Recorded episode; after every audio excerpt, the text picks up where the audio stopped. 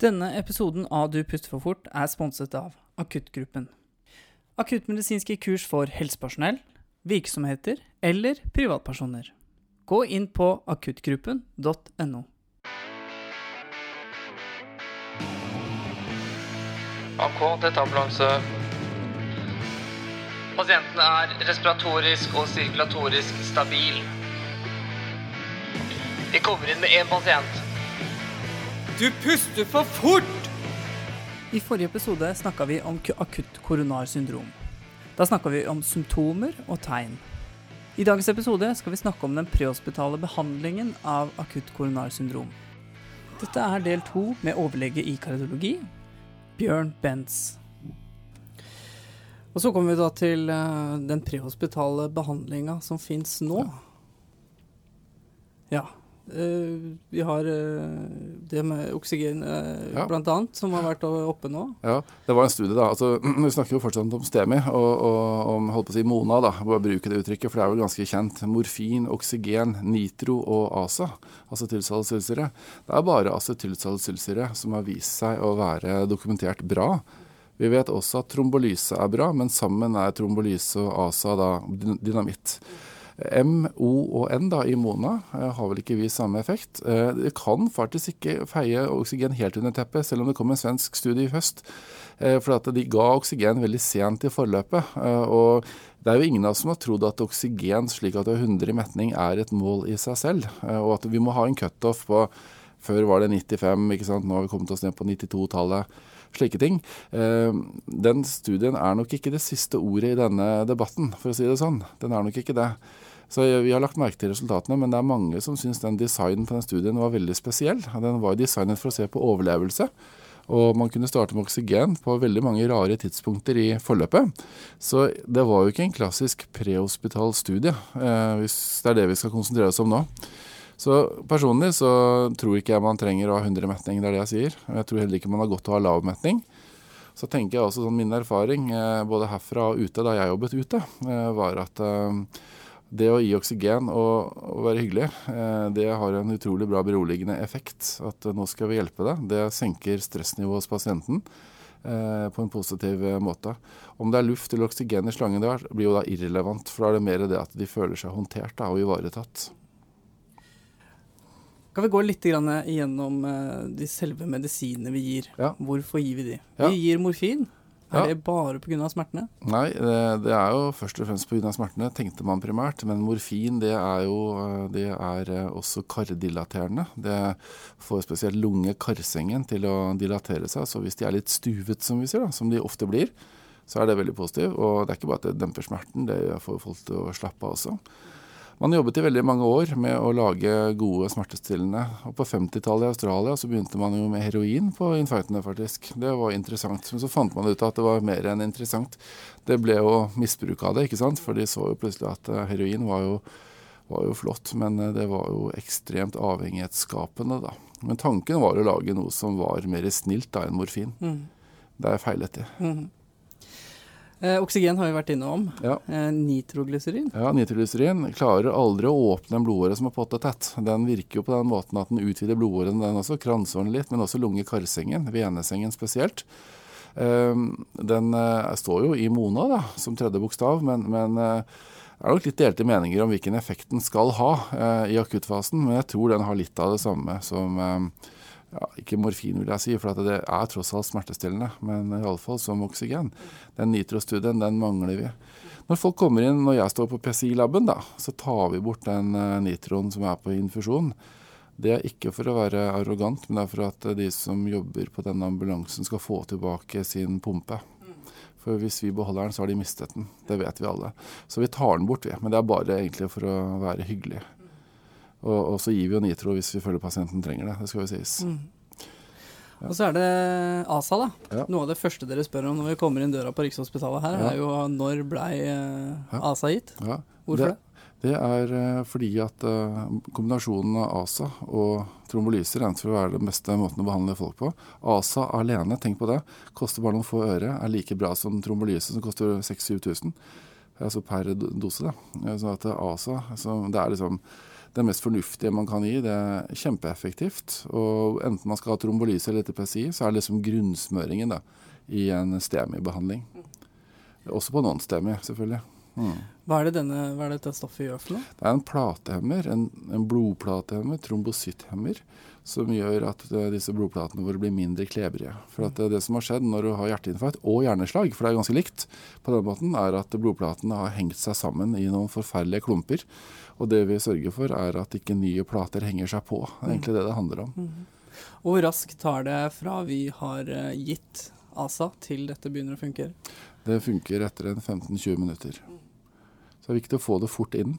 Og så er det like bra å ta det som tablett som å ta det intravenøst. Det er interessant. Det er ikke mange som vet, men det holder å ta det som en sånn brusetablett eller et eller annet. Så det kommer i hvert fall jeg til å gjøre hvis jeg kjenner noe suspekt en gang. Jeg har ikke ASA rundt meg, men jeg begynner å bli så gammel at jeg kanskje må begynne å tenke på det. Før jeg møkker snøtak iallfall. Men, men ASA er en fantastisk medisin. Og så kan jeg ta en logisk brist med en gang. Jeg fikk ikke en veneflon, derfor så ga jeg ikke ASA. For at hvis du hadde hatt en trombolysestrategi, da, så er det feil måte å tenke på. Prøv å få inn veneflonen, gi ASA. Om man ikke får gitt trombolyse, så må man i hvert fall komme til stykket. Mm, ja, ikke sant. Ja. Mm. Um, så har vi sendt EKG til deg. Du har sett på det, og dette er et uh, STEMI. Ja. Da får vi beskjed om å gi heparin. Ja. Ja. Og det, hvorfor det? Nei, det er, altså, Dette har kommet til ikke ved spesielt gode studier, det må jo sies. Men vi har jo allerede hørt at dere har gitt ASA. Så gir jeg beskjed om heparin jeg gir beskjed om Plavix samtidig. Kanskje du får beskjed om Brilikk eller Refient. Det kommer an på hvor man jobber, for der er vi så forskjellige. Men heparin er en blodfortynning som virker kanskje først og fremst best på venesiden. Men trombosyttene hemmes av ASA og Plavix, eh, mens heparin virker på korrelasjonssystemet med ulike faktorer. Og de tar vi ikke her, eh, for at det er komplisert. Jeg må nesten vise bildet for at folk skal skjønne hva det er, og selv da er det vanskelig å skjønne. Du leser det på egen hånd? Ja, det er selvstudier for de spesielle. Ja, og Plavix, det nevnte du. Ja, det er en annen type blodplatehemmer enn ASA. da. Eh, Og de to sammen har vist seg å være dynamitt i ASA. Så kombinasjonen av ASA og Plavix med litt heparin, det er veldig fint før PCI. Og det er veldig fint også sammen med trombolyse. Og dette er altså grunnen til at i fall vi her i Oslo har vært litt konservative da, der ute. Den oppskriften som du hører om der, den er fra januar i 1996. 22 år siden. Og grunnen til at vi ikke har endret den, selv om det har kommet nye og kanskje bedre og sintere platehemmere på markedet, er at vi fortsatt ser, ser, at det gjøres feil i den oppskriften. Derfor har vi funnet ut at den er fin å ha. Den er den enkleste vi kan ha. og Den er også komplisert nok til å gjøre feil. Og, den funker både på PCI og på trombolyse. Det har vært hovedgreia. Vi har hatt diskusjon om dette her med både dere og med luftambulansen. At mm. enkel oppskrift, da er det innafor. Mm, mm. Um, og da er vi jo det um, gjennom de, de, medikamentene vi gir uh, oftest. Ja. Um, også er, men det er jo noen som jobber i distriktene også, som Ja. har uh, metalyse. Ja. Ja. Og det er jo en supermedisin, gitt på den rette måten. Det, det som er vist, er at å gi metalyse, som er det samme som trombolyse eller fibrinolyse, da. Og aktilyse er jo et annet fabrikknavn på dette, men metalyse gis som bolus. Derfor er det det vi bruker på hjertesiden, og på nevrosiden. da. Eh, Da er det slik at eh, Hvis man er mer enn 90 minutter fra man får åpnet en blodåre, da må man bare tenke hvor skal jeg med denne pasienten hvis den skal blokkes. Eh, Er man utenfor en sånn radius da på 90 minutters kjøretid, eh, utrykningstid, da, så bør man gi trombolyse. For det, ved korte sykehistorier, iallfall på de under to timer, så er trombolyse en veldig god medisin. Det har vært sagt at den er like god som PCI. Det er ikke helt sant, for at man får ikke hjerneblødning av PCI. Men, eh, men, men eh, hvis jeg hadde vært på fjellet da, i dag, og jeg hadde plutselig fått vondt, så jeg hadde blitt kjempeglad om det kom eh, lokal eh, paramedic og ga meg ASA, det vi snakket om i stad, eh, pluss trombolyse, og så helst fløyet meg til Oslo. Hvis jeg hadde vært i et sånt Oslo-nært område, da. Men langt nok unna til at man ikke gikk for PCI primært. For den der, det kaller det ofte Plumbo, den der metalysen. Den løser opp den bitte lille proppen. Så kommer de inn etterpå til et PCI-senter som f.eks. her. Og oftest har det blitt litt blodstrøm i, i karet, men ikke god blodstrøm, men det bitte lille som skal til. Så vi vil jo gjerne ha de inn nå, da. Ganske fort. Og dette, dette er et medikament som bryter opp det fibrinet i, Ja. i, uh, i blodproppen, ikke sant? Ja. Ja.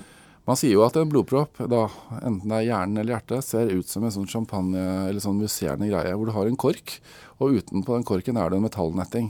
Når vi tar av metallnettingen, så, så løsner jo den proppen. Sammen så hører de sammen i en plateplugg eller sånn blodpropp. da. Og fibrinolysen, metalysen, løser opp holdt på å si, metalltråden da, i en sånn greie. Så får du gjort noe med den, så får vi også gjort noe med proppen bak, mm. med de andre medikamentene. Mm. Så den virker, eh, virker, sist i kjeden av medikamenter, men er utrolig effektiv hvis den gis som jeg sier, på rett måte, kort tid etter at pasienten har fått vondt. Mm. Jeg har vært med på det sjøl, oppe i Hallingdal. Ja. Brystsmerter, ja. påvist eh, STEMI. Skal mm. nedover, ikke helikoptervær. Ja.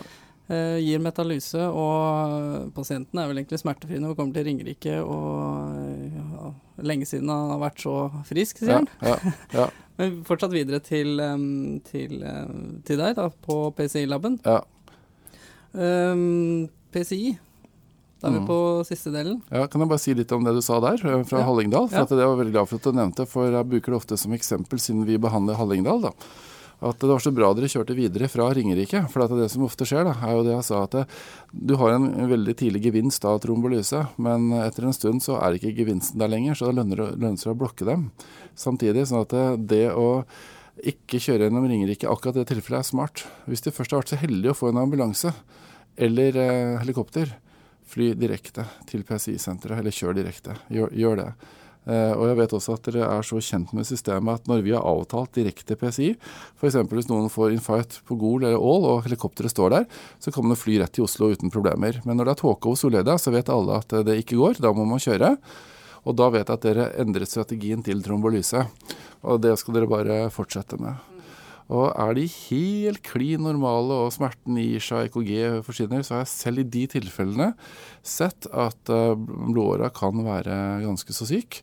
Så må dere likevel ut en tur. Så det dere gjør der, er fornuftig. Gjør det bare i samråd med både Ringerike og det senteret dere kjører til. Mm. Um, ja, da har vi vært gjennom uh, egentlig det meste, syns jeg. Er det noe du vil fremheve, eller noe du Nei, Jeg er bare veldig glad for at uh, du kom på besøk, og at vi kan lage dette her. fordi at uh, samarbeidet med dere, uh, både på denne måten, både på undervisning, og at vi også samarbeider i jobben vår. Jeg er så glad når dere blir igjen i laben hvis dere har tid også, for jeg har lyst til å høre hva dere har gjort, hva dere har sett. Mm. Og jeg tror det er viktig å se også hva vi driver med, så vi forstår hverandre. Mm. For det er jo det er grenseoppganger. Dere vet nok mer om hva vi driver med enn omvendt mm. som gruppe. Det, det, er jeg ganske sikker på. Men jeg håper vi kan fortsette å ha dette samarbeidet. Mm. Det syns jeg absolutt. Sånn, helt til slutt.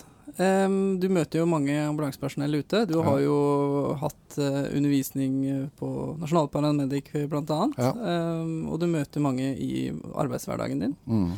Uh, hva syns du gjør en ambulansearbeider god når du møter han? Kan, kan du si noe om det?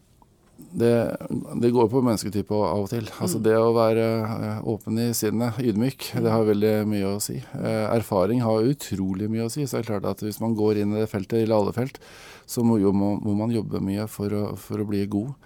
Så er dere borti såpass vide ting, brede ting, da, at det, eh, mest utfordrende er jo av og til denne silfunksjonen vi av og til har vært innom. Med hvem skal inn og hvem skal ikke inn, og hvem haster det ekstremt med. Av og til er man jo redd for å trykke på en knapp. men Eh, jeg tror det at å være ydmyk og av og til tenke at søren, den her burde kanskje ikke vært eh, håndtert så, så, aggressivt, så kan det likevel være lurt. Eh, jeg tror, det, jeg tror, man angrer mer på de man har tatt litt lett på, og så, og så var det faktisk ganske alvorlig likevel. Så jeg tror at med utdanningen dere nå går igjennom, og den blir jo bare tøffere og tøffere, syns jeg, gå fra å være det er jo faktisk historisk sett eh, portører fra mange sykehus som var innmari gode til å kjøre bil, eh, til å nå bli bachelorutdannede og gå på skikkelig skolegang. Det tror jeg er veldig bra. Og så hospitere tror jeg av og til kan være lurt. Både på andre stasjoner og, og av og til inne på hus. Jeg vet at helikopterleger må være mye inne på sentraloperasjon, for de får lite volum av enkelte prosedyrer. Når du da står der mutters alene ute, så er det greit å ha med seg erfaringen innenfra. Så bra. Tusen hjertelig takk for at du ville komme, Bjørn Benz. Tusen takk for at jeg fikk være med deg. Dette var veldig gøy. Ja, det var det. Takk for nå. Ha det bra. Du, Puss for fort er tilbake neste uke. Da har jeg fått med meg en ny gjest. Til da, ha det godt.